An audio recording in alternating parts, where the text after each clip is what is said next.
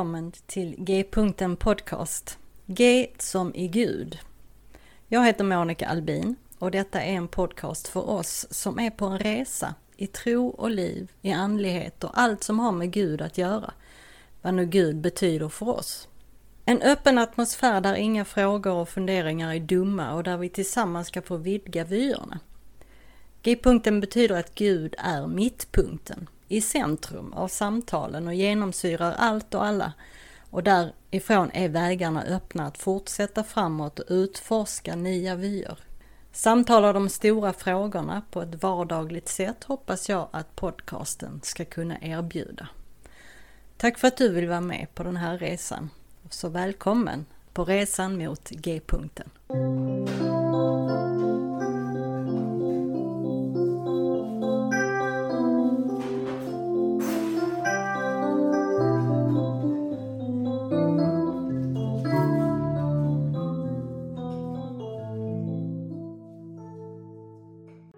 Hej och välkommen tillbaka till G-punkten Podcast. Idag äntligen efter en lång väntan får jag ett underbart samtal med Dr. Pete Enns. Pete är professor i bibliska studier vid Eastern University i St. Davis, Pennsylvania.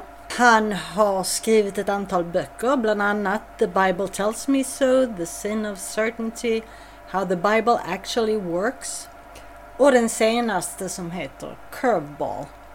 Och det är den som vi samtalar mest om i det här avsnittet. Pete är också en populär föreläsare och talare i olika teologiska sammanhang. Och tillsammans med Jared Bias så driver han podcasten The Bible for Normal People. Jag hade Petes dotter Liz här i podden för ett litet tag sedan om ni kommer ihåg det. Och Pete han är ju väldigt, väldigt trevlig, rolig och kärleksfull på alla sätt. Men det kommer ni att märka nu. Men som vanligt också, gilla och dela gärna avsnittet på sociala medier och till vänner. Och följ podcastens Facebook-sida och blogg där du också kan skriva dina funderingar och kommentarer på något av de platserna. Så nu, varsågoda, här kommer mitt samtal med Pete Ens. Welcome to G-punkten podcast, Dr. Pete Ens.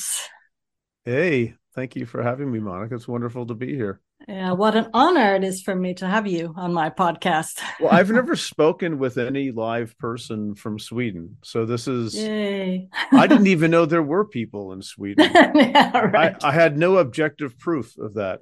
No, you didn't. Oh, okay. I've so... only heard rumors, but now I know for certain. So Okay, well, I'm here. So there's okay, good. at least one. Uh, so so that's my next question then. You haven't been on another swedish podcast yet. No i haven't. No. And you haven't been to sweden either so. No. Okay well you are always welcome here just so you know. Thank you. And i think um, many of my listeners know who you are. I mm-hmm. do think so. But could you just briefly introduce yourself? Just um, your name where you live maybe a little about your family and then you know we'll talk about your story a little later on but just briefly sure. introduction.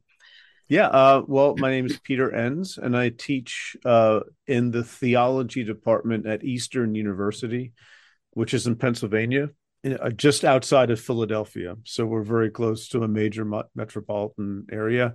Yes. and i've been there for about 10 years. I also taught seminary for about 14 years with a few other things in between. And um, yeah, my my parents are immigrants. Well, they were. They're they're no longer living, but they were immigrants from uh, Germany. They came over sometime after the about ten years after the war. Mm-hmm. Um, World War II for you young people who don't.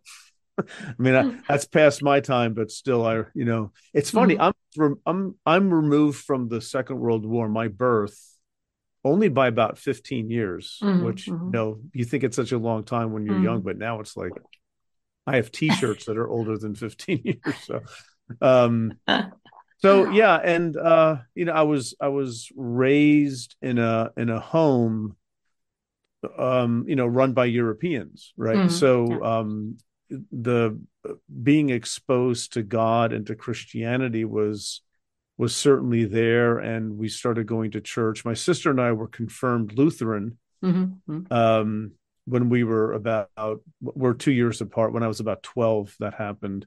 Mm-hmm. But my parents were never, you know, we didn't read the Bible together. We prayed at the mealtime, but we uh, it wasn't like in America, like an evangelical upbringing, which tends to be much more strict. I just I wasn't raised that way, so. No. Um, but I got interested in studying the Bible. Um, I had a conversion experience in high school, and I started reading the Bible uh, for myself a few years later, just because I wanted to understand what it is I said I believed, and mm-hmm. that eventually led me to uh, to going to seminary myself, and then uh, PhD work, and then teaching. Mm-hmm. And you uh, you're married? Yes, married and three children uh, who are all adults. I think you know one of them. You've yes. you've met my, Liz, my daughter. Yes. She's in the middle there. Yes. She has two children, and my son um, Eric is uh, about thirty five now, and my other daughter Sophie is twenty nine. So they're uh, they're sandwiched there together, pretty much one after another. These three. Yeah.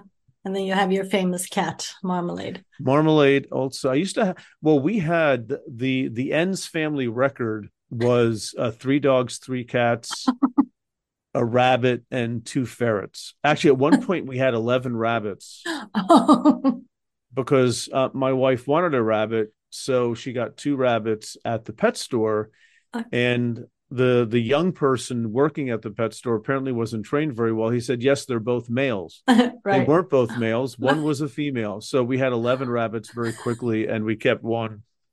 So, um, but now we're just down to one cat. That's it. Oh, just one wow. cat is left at this point. So, uh, yeah, yeah, I did have your daughter Liz on the podcast a little while ago, and yeah. I understand you have a great da- father-daughter relationship uh-huh. with yeah. her. I love the Superman costume she got you for I Christmas, which I wore. I have pictures of that. I'm going to put on uh, on social media pretty soon of me wearing a funny as my birthday not long ago so i wore my mm. cape i wore a hat and things like that uh, that's wonderful yeah. now you you are a professor and an author and a speaker and you also host the podcast The bible for normal people together right. with uh, jared byas Right. And right. I have listened to Bible for Normal People since the first episode. Oh, really? Oh, yes. Great. So I am a big fan. oh, thank you. and I've taken several of the classes that you as well. Oh, good. Yeah. So thank you for that. Yeah, sure. And uh, I'll put all the necessary links in the show notes. Yeah.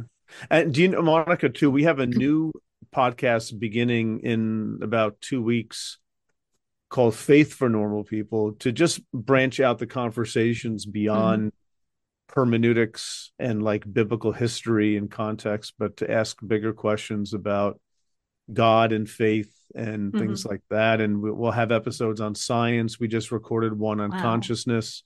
Great. Um, we have episodes planned on, uh, you know, children and uh, I mean, just a whole host of other topics that we're pretty excited about. Trauma uh, in church, things like uh, that. Yeah, so yeah. It gives us it gives us a place to talk about things that we're actually uh, really excited about ourselves because it's. I mean, I love the Bible. I love talking about. it, I love teaching it, but you only go so far by dissecting the Bible. And uh-huh. part of what I want to do at the Bible for normal people is actually take the Bible and say, listen, this you can't look to this to solve all your answers no. and it raises as many questions mm-hmm. as it might give answers you have to keep thinking in your own context and you know the way we conceive of the world today scientifically is very different than how people conceived of it long ago so you have to yes. think differently about god things like that we just really like talking about oh that sounds awesome uh, you you've also written a lot of books and you just released your new one well it's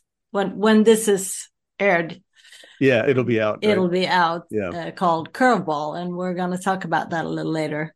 Okay. Uh, but first, I'd like to hear your story from childhood and on. I uh-huh. mean, you do write about it uh, in the book, but maybe some of it that didn't make the book.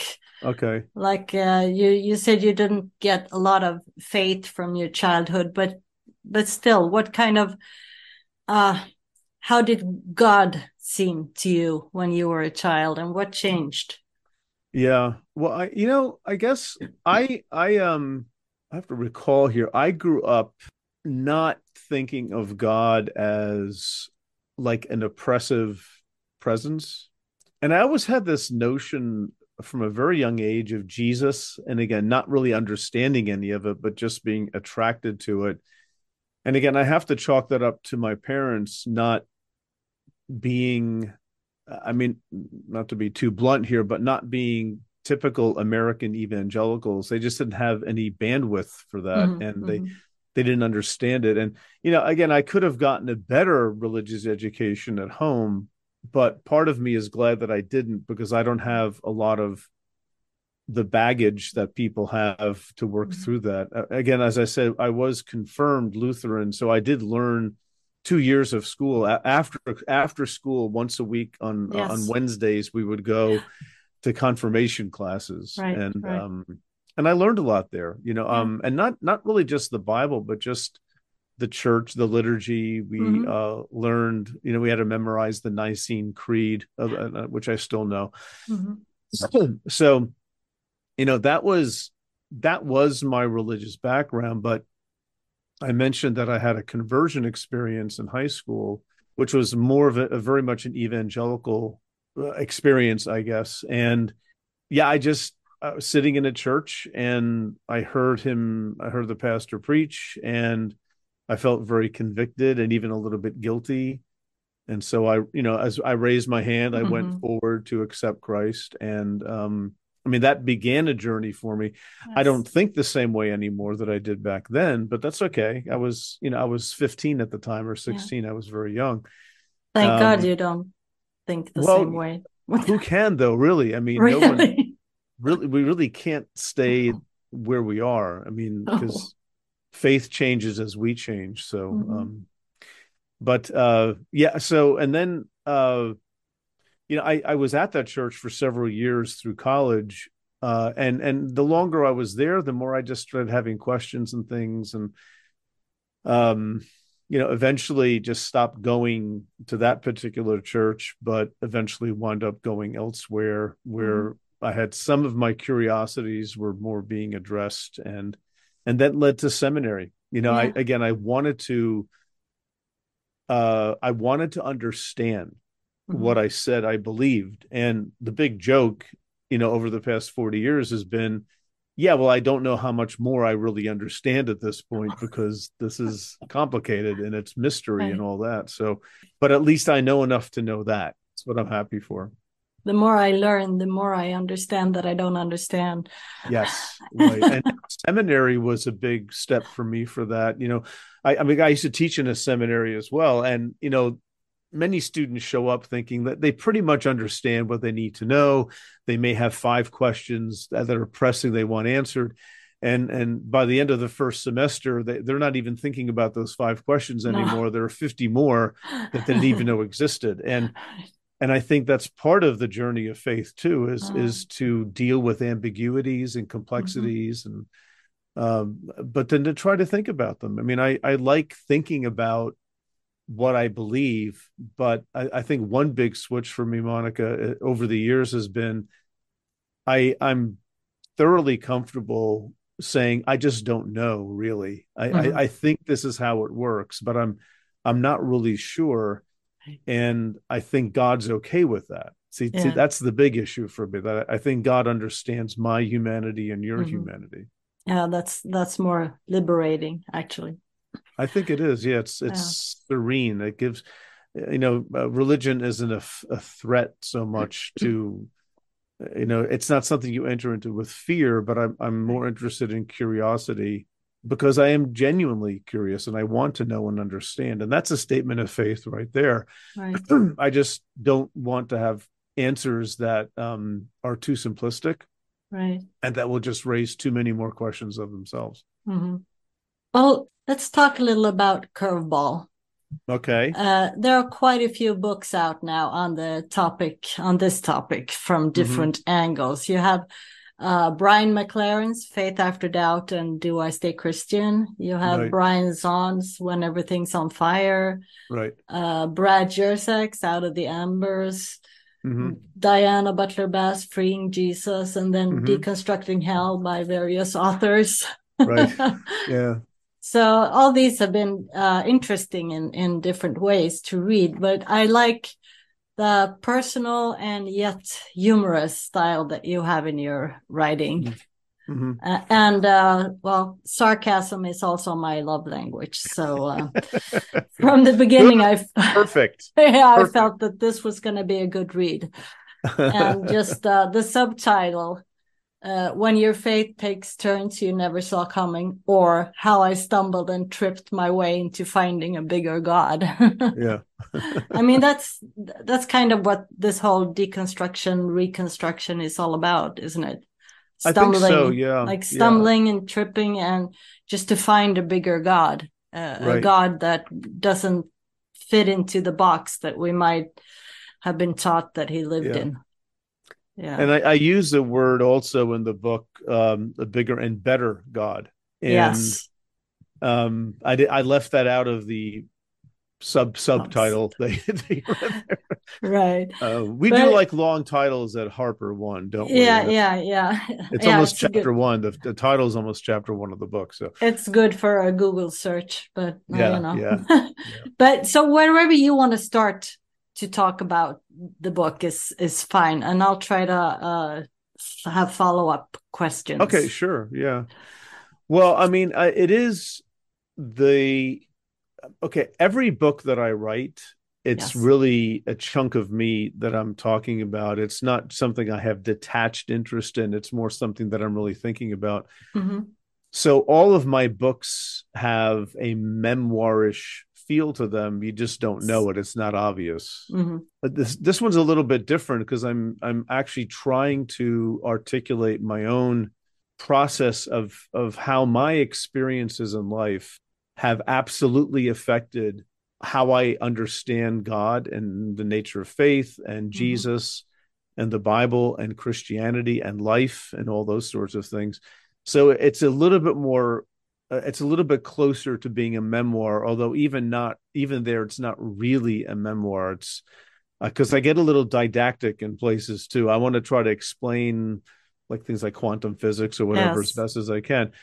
Um, and I'm sure I did a horrible job at it, but it's good enough. It's uh, so yeah. I, I I'm it's a different kind of book. It's Yes. it's much more personal, and I and the fact that I keep it more about myself isn't narcissistic. It's I, I'm not trying to tell people how to address their own curveballs in Right. life. And Right. I'm just saying these are mine. Maybe they're yours. Here's Mhm. how I work through them, and, and more more importantly, here's how they changed me. That's really what I'm after, and maybe people can resonate with it. Yeah. And you use the metaphor of curveball since you're a baseball fan Yes. Right. Yeah. and wanted to be a baseball. How does that translate in Sweden, though? How does that work? Well, it most people know what baseball is, and and Yeah, uh, yeah. it translates pretty good. Yeah. I Uh, mean, it's just a little metaphor that I use to sort of tie Mm. the book together. Um, and and for those of you who don't know, in baseball, a pitcher will throw pitches that don't go straight because they're easy to hit. A curveball darts out of the way rather quickly, and and um and if you don't, if you keep thinking the ball's going to come at you straight and flat and slow, Mhm. uh, you're never going to hit a curveball, and and so you have like all athletes, athletes in any sport make adjustments to their game. You have to, based on the opponent, based on the situation, you have to make Mhm. adjustments. And so, adjustment is another book that I a word that I use in this Yes. book to to describe the life of faith is about Mhm. making adjustments, Yes. And that's normal. That's not unusual. That's not a faithless thing to say, as some people might think. It's actually uh, not just normal, but inevitable, and in fact, I think required for growth. Right. Talk about the time when you had a conversation with the refrigerator.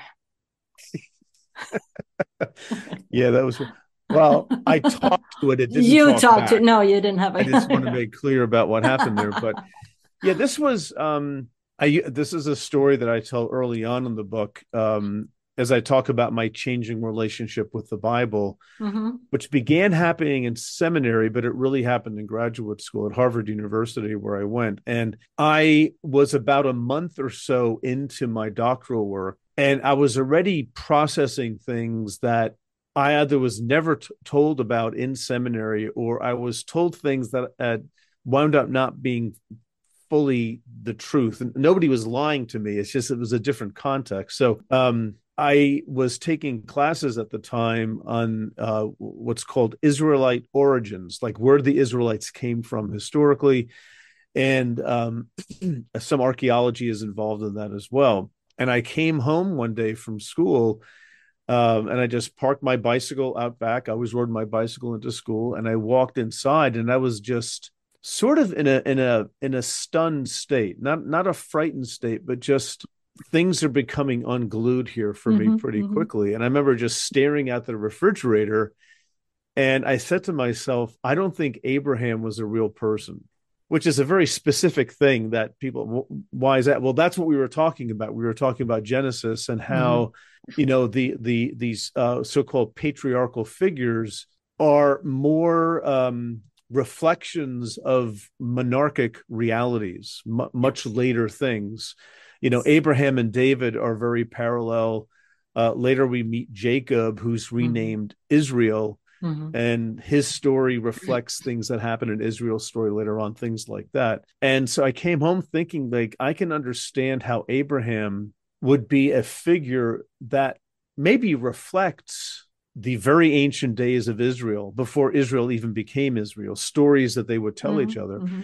But I can see how this person doesn't have to be a real person in order to get that point across. Yeah, and yeah. it was um, shocking to me to admit that, but I felt sort of relieved saying it. I mean, nobody was listening except for the freezer. uh, but you know, it's just it was something I had been warned about for much of my life that a person who really believes in God will really believe that the Bible is historically true throughout. And here I'm hearing things within a few weeks of, of starting school where there is a very plausible case being made that that might not be the case. Mm-hmm. Yes. And I just found that to be rather rather striking and and no one is trying to attack the bible they don't mm-hmm. know what i believe they don't care what i believe they just mm-hmm. are talking the way scholars talk about these things and you know it it struck me that something that I had sort of taken for granted. Of course, Abraham's a real person. Something I had taken for granted for so long could mm-hmm. unravel within about four to five weeks mm-hmm. of just doing some reading yes. and listening to people. It struck me how my former position was not really uh, based on compelling evidence. It was more based on an ideology. And here I'm hearing things that just make it, it made so many things eventually fall into place. Yeah, and yeah because I like to understand, that was very attractive to me. So yeah, and that was I mean that was part of the early, I guess, transitions. What now is called deconstruction, but um, right. You know we didn't use that word back no. in the late '80s. no, right, right. So now this um, like understanding what the Bible is. Uh, actually about and how to read it and and everything it's it's all very uh, intellectual mm-hmm but what what really happened like inside of you how did you feel about this uh, i yeah i mean I, it was the thing is I'm, I'm glad you put you asked the question the way you did monica because yeah it's intellectual yes but it affects your emotional life that yeah right it. it. might it might affect your whole life i mean oh, it, it must did. be like traumatic in some um, sense it was in a sense because I could hear the voices in the back of my head of my earlier education, uh, right. feeling like there you go, you've right. just lined up with Satan. And, yeah, yeah, yeah. You're down that slippery slope. exactly right. You're on the slippery slope, mm-hmm. but you know, I began thinking like maybe they're on the slippery slope of thinking that everything works out nicely, and that's going to run you into trouble too. So, yeah, yeah and it was easier for me being in graduate school because I was really removed from that earlier context. I had a whole different place. I had different sets of friends. Um, uh, we were going to church uh, but a, a mainline Presbyterian church, not a conservative Mm-hmm, Presbyterian church, mhm. so they didn't care. No. Um, and it was nice, you know. So I had, I had five years there yeah, good. for just, I loved it to just Yeah. think and explore. But yeah, I mean, you're right. It was when I stood there staring at the refrigerator, my main source of fear was partly what's God going to think of me Yeah, right. but that voice that's connected to again my former context where those voices were coming up. And you know i had to work through that. And and i was Mhm. able to you know while i was at school i i didn't leave thinking that i'm less than because i No. believe certain things differently. I was able to work through it. And um in part i, I just want to say where i went to seminary again the, the school before gra- graduate school w- something was modeled for us that was very helpful. Basically it's it's okay to engage with opinions you might disagree with i was never told to keep Good. away from things No. I just think that my what I was exposed to was limited, and anything that was outside of the boundaries, you Mhm. could look at it, but you always had to have a little bit of suspicion. And here I was at at a school that didn't even recognize what those boundaries were because it was so ridiculous to them. And I'm out there in the stratosphere somewhere thinking thoughts that I didn't know people could actually think. Yeah. and it felt very satisfying to me. Not rebellious not like oh it's sexy and all that kind of nonsense. It's more i think i'm understanding something about history. I think i'm understanding something about where the bible came from why it looks the way that it does why it has stories in it that uh, you know are uh, you know that look the way that they do that Mhm. Might appear to be historical, but also might appear not to be. So it was for me a very intellectually satisfying time. And Mhm. and I think over time the emotional component has fully caught up with that, where I'm just much more at peace now than I was, say, 30, 40 years ago. Yeah. Yeah, and I'm sure it's uh, a little different between people. I mean, how we react uh, Right. Due to our personalities and and stuff. Yeah, I think that's true. Some some Yeah. people are not really comfortable in the world of ideas. right, which doesn't right. make them stupid or anything. They're just they're, they just don't live there, and others Mhm. that's our home.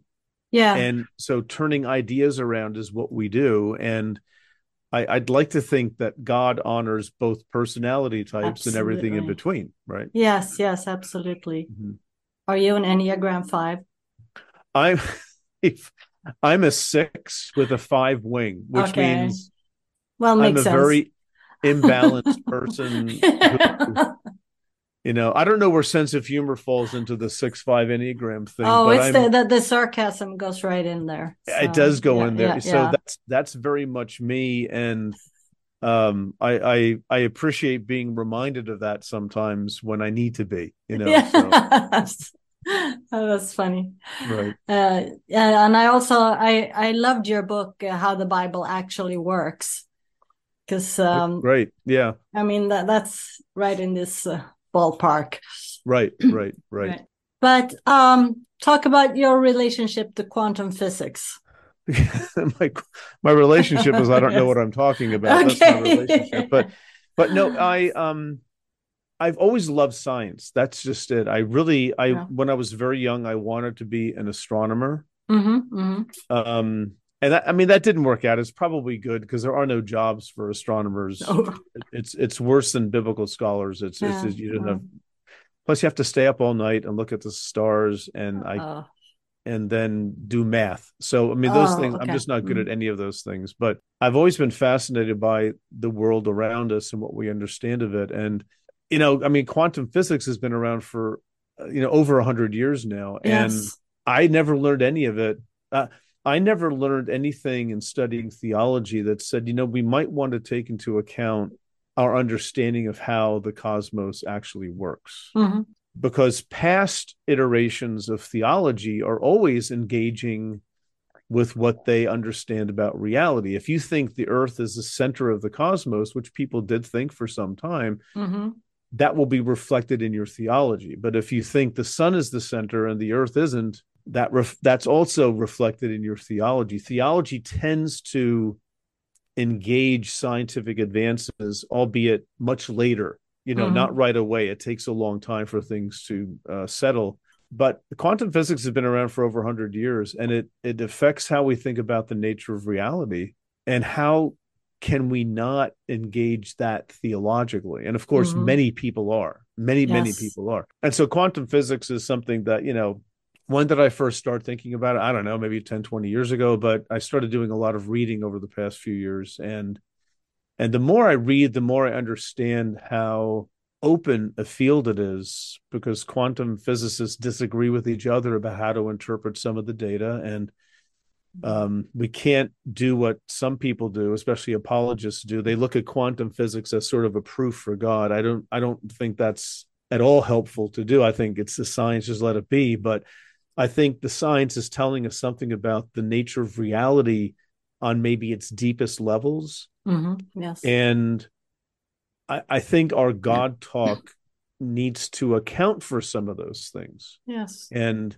it gets sort of messy. I, I have two chapters on quantum physics. Yes. Don't get don't get terrified, people. One is more talking about trying to understand it, and the yes. other is the theological implications as yeah. I see it you, you you use the term quantum godness. Yeah, quantum godness. Yeah, yeah what which, is that? well, it what it is not is not again here here's this proves God's existence or this doesn't prove this disproves God's existence. I think people take it both ways. Mm-hmm. I start more, you know, unashamedly just a perspective of faith where I do believe God exists, that God is real, but it, it's sort of like see it's like psalm 19 the heavens declare the glory mm-hmm. of god our heavens have changed dramatically since the time of the hebrew bible oh you know, yes. we and it it doesn't it doesn't just declare the glory it actually disorients us it it shocks us into a uh, realizing how unfamiliar we are mm-hmm. with the nature of reality and if if that's true of the creation I think it has to be true of the creator as well. Mm-hmm, mm-hmm. And so words like mystery are, have become very, very important to me over the years yes.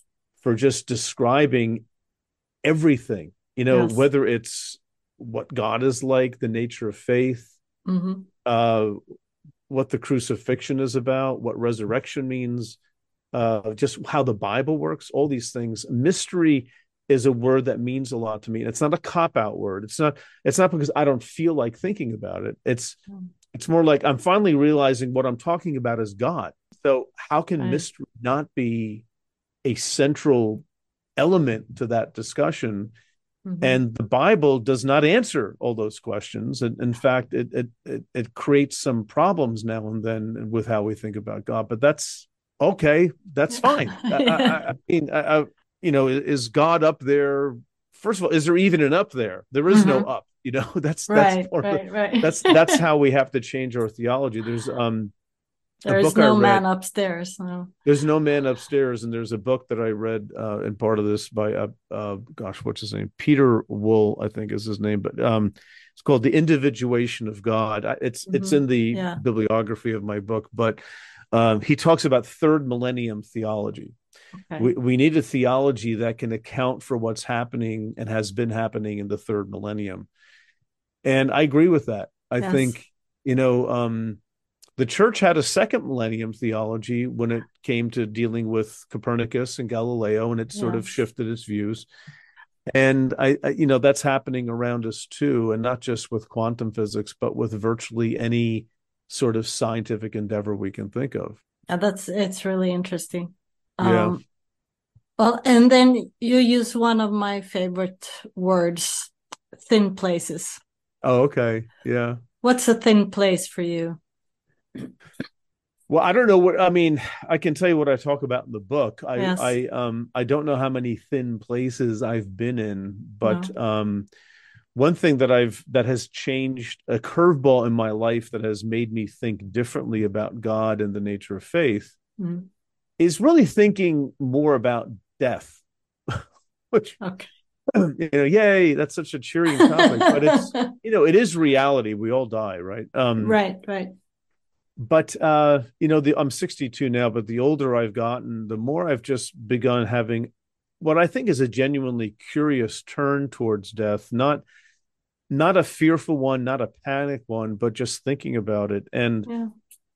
uh, having been exposed to literature that you know in the West is quite old, um, a couple hundred years at least, and but more recently, uh, you know, neuroscientists and clinicians and doulas Yes. and nurses who are with people dying and they say but this is what happens when people die. I mean um it's it's pretty interesting. They usually they sit up and they say they they might greet someone and they like back down again and die things like that. Yeah. and i'm like okay that's interesting. You know um you can't prove this mathematically the way you prove you know a black hole or the orbit of planets but there is there is testimony from people across time Mhm. uh, you know, dating back at least 2,500 years. The Greeks did this, you know, Plato and, and others, they talked about this sort of thing, but near death experiences or out of body conscious experiences and things like that. And I know people that have had these experiences, you know, they're, that's the thin places where, yes. where the, um, you know, the veil between the, what we call reality and other types of reality Mhm. uh, are are sort of more perceivable, and also thin people Yes. who are able to perceive these things more than others. I am not a thin person. Um, Oh. I think I'm too stuck in my whole left brain analysis thing, but um, eh, but uh, there may just be other reasons. I don't know why, but I know people who are, and people I trust who Mhm. Have given me their experiences. And then you you read about these clinical studies. I mentioned one at the university of virginia here Right. uh, which has been uh, you know going on for over 50 years now. And these are people who have no theological religious axe to grind. They just say there are things that happen Mhm. that cannot be explained scientifically. It's as simple as that. And i'm i love science Yes. I absolutely love science, but I do think there are things that science can't deal with. And Right. this is one of them. I think whether God exists is another thing that science can't handle. It can't prove or disprove. It's just another Mhm. language, science. So um anyway, so yeah, that's that's I I really uh, uh, uh, appreciate the work that people do in the area of you know what are usually called paranormal experiences. Um yes. but I don't even like the term paranormal. You know, no. like um, sounds like X Files. yeah, exa- well, exactly right. I mean, some say parapsychological, okay. which is fine. That's a little bit more Yeah. neutral as far as I'm concerned. But I don't like um, claiming the label of normalcy uh, for something that you know th- this evidence might actually show that what we call normal might not be normal. hmm It's just a part of reality, not all of it. Yeah. Compared to all your other books, which are mostly about the Bible in different ways, even though Yeah. they're a little personal as well. But this uh, curveball is even more personal. Mhm. So how how how come you wrote it now? I mean, this personal Um, this personal book. I mean, you Yeah. uh, we we we know from your work uh, that you have been uh, deconstruction uh, deconstructing and reconstructing, uh, if we want to use those words, for a long time. But um, mhm. why now? Um, Is it part? is it because of death is getting closer? I, well, I wonder. I've thought of that. Yeah, I wonder yeah. if that's part of it. And you know, I think part of my part of my own process, part of my own journey has been to to say things like the way I used to think about it and the way Mhm. some of you think about it doesn't work. So it's like clearing the ground a little bit. And a book like Curveball benefits from that clearing of the deck where you know we're not going to look for biblicistic answers to these Right. complex questions the bible has its place. Mhm. and its place is not telling us everything we ever wanted to know or needed to know about life Mhm.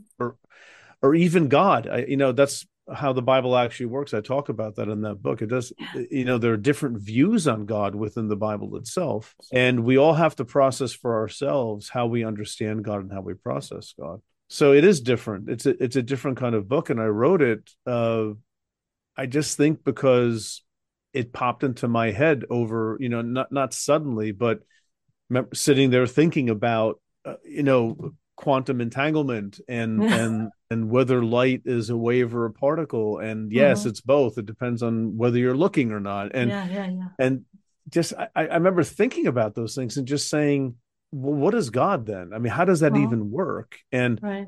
So I'm at the point now where I feel like working through some of those things more publicly than just privately. And and it's it's also more I, I mean, all my books have a deconstructive kind of feel to them, right. but not just that. It's like, no. okay, there's always a so what.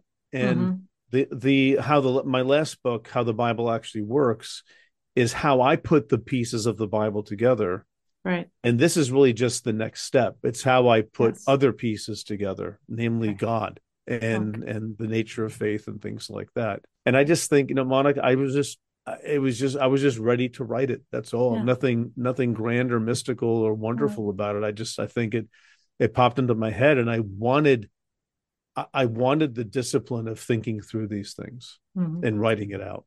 Was it harder to write than the other ones, or was it easier? Maybe? Um, it was harder. It was, it was definitely hard. harder because I'm dealing with things that I know something about, but I don't live there. That's writing a right. book on the Bible is like, okay, this is easy. I mean, I, I sort of know what I think and I know where to go and mm-hmm. and I already have a handle on things that make sense or things that are probably going to be just bad rabbit trails. But mm-hmm.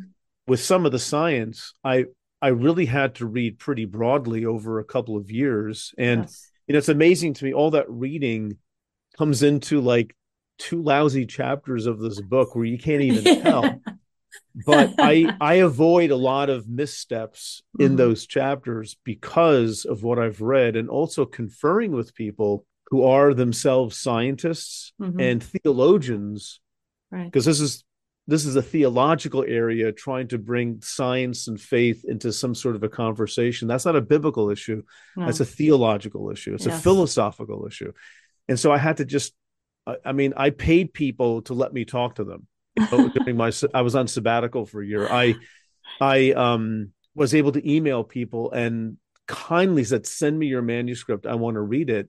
And a couple of scientists picked up on things like, yeah, this is okay, but this could really be mislead. This could be really misunderstood. Say it this way. So that's mm-hmm. a really good. I'm going to do that. I'm going to say it a little bit differently. So it was more work for me. There's no question about it. Mm-hmm. Um, so I think my next book, I'll go back to the easy stuff, and and uh, we'll see about that. yeah. Oh, that's good. I do like those um, Jonah for normal people and Genesis for normal right. people, and yeah, yeah, I like those. Well, there are more of those coming out too, uh, and oh, written by other people as well. Mm-hmm. So we're pretty excited about what's happening there too. Yeah, so, that's good. Yeah. I have one last question, but before that, is there anything else you want to say about this book or anything uh, you want to plug, events or classes or so? Um, one more brief thing about the book itself. I have a chapter where I talk about um, how the Bible can actually help us catch a vision for a God who's just beyond us and beyond our knowing. And not all of the Bible does that, but some of it mm-hmm. does. And I call them mystery passages. And yes. um, you know, things like uh, our own sufferings fill up what is lacking in the sufferings of Christ. That's a deep comment of intimacy that's actually very mysterious. I don't understand it. Right. Um, the intimacy that Jesus has with the Father is the same intimacy that we have with Jesus and the Father, and we have with each other. That's right. very mystical. That's not logical. Um, you know, in uh, Second Peter, we read that um, we participate in the divine nature. Right? right? These are things that the Greek Orthodox they're all over this, but for yes. Protestants, we don't talk like this very often, right. and I don't understand those things. I just don't. But that's the point you know uh-huh. i think we're being sort of lofted very quickly into this mm-hmm. bigger thing so um the bible is not just it can be an obstacle at times for mm-hmm. our faith but mm-hmm. i think there are these moments in the bible even in the hebrew bible as well that are um that really invite us into something beyond what we can perceive or truly understand mm-hmm. and again that's why mystery is such a big word for me yeah that's good well Uh, I have one last question that I ask all my guests. Okay. Uh, where do you find pleasure and well-being right now? Um, I'd say a couple things. One, I I just like walking. Mhm. Uh, I like walking in the woods. I always have. And again, the older I get, the more I think I sense why that's the case because you're in nature and everything's alive and vibrant. And, you know, one of the things I say in the book is that, um, you know, I believe God is in and through everything, um, in- including subatomic particles. There's, Right. if if God is if God by definition is the is that by which all things exist Right. I I I believe and you know I didn't make this up um I believe that God exists in and through all things Yes. And that's a different way for me of thinking about God. So I've come to enjoy these walks where I sometimes will just pass a tree and just put my hand on a tree and just try to remember that this thing exists as well. hmm Or, you know, there are deer and Mm. squirrels. I love animals. Yes. So I, I see them and I try to get them to talk to me, but they don't afraid. I don't blame them. Um, but where I live, we have a lot of deer and yeah. There are people around who like shooting deer. I feed them. I I, I throw them apples and carrots, and um, so yeah, those things are they they bring me some joy. I also, frankly, just like sitting, usually early in the morning or before I go to bed, just in Mhm. my living room. Now it's a bit cold. I have a fire on, and the lights are off, and I Yeah. just sit there, and I don't feel like I have to think about anything. And sometimes those turn into quick acknowledgments of God's presence and praying, usually because something's not going well, you know, and Mhm. finding wisdom and strength and things like that. So that's, I, I don't want that to sound too pious. Like I, I get irritated with people. Oh, I pray every morning for an hour. I, I don't do anything in the morning for an hour except maybe drink coffee. right. Uh, Right. Right. So, but it's those are things that I really that I enjoy at this point in my life. Simple Yeah. things. Yeah, that's good. Well, thank you, Pete, again you for Yeah. wanting to come. And Mhm. I would love to have you back on Okay, that'd be great. sometime. And also, Unless I see you in Sweden at some right, point. exactly. You need to let yeah. me know if you're coming to Sweden. Okay, I will. Yeah. So uh, Yeah. you just uh, keep up the good work. I will and, try. Yeah, will definitely try. And you too, keep up the good work with your podcast. So yeah. Thank you. Yeah, Uh, great. Take care. All right, thanks. Bye. Och jag hoppas att du tyckte om det här avsnittet. Som sagt, gilla och dela och allt det där. En liten välsignelse så här till avslutning. Må Gud välsigna dig med olust inför enkla svar, lätta sanningar och ytliga relationer. Så att du må leva från djupet av ditt hjärta. Vi hörs snart igen. Hej Thank you.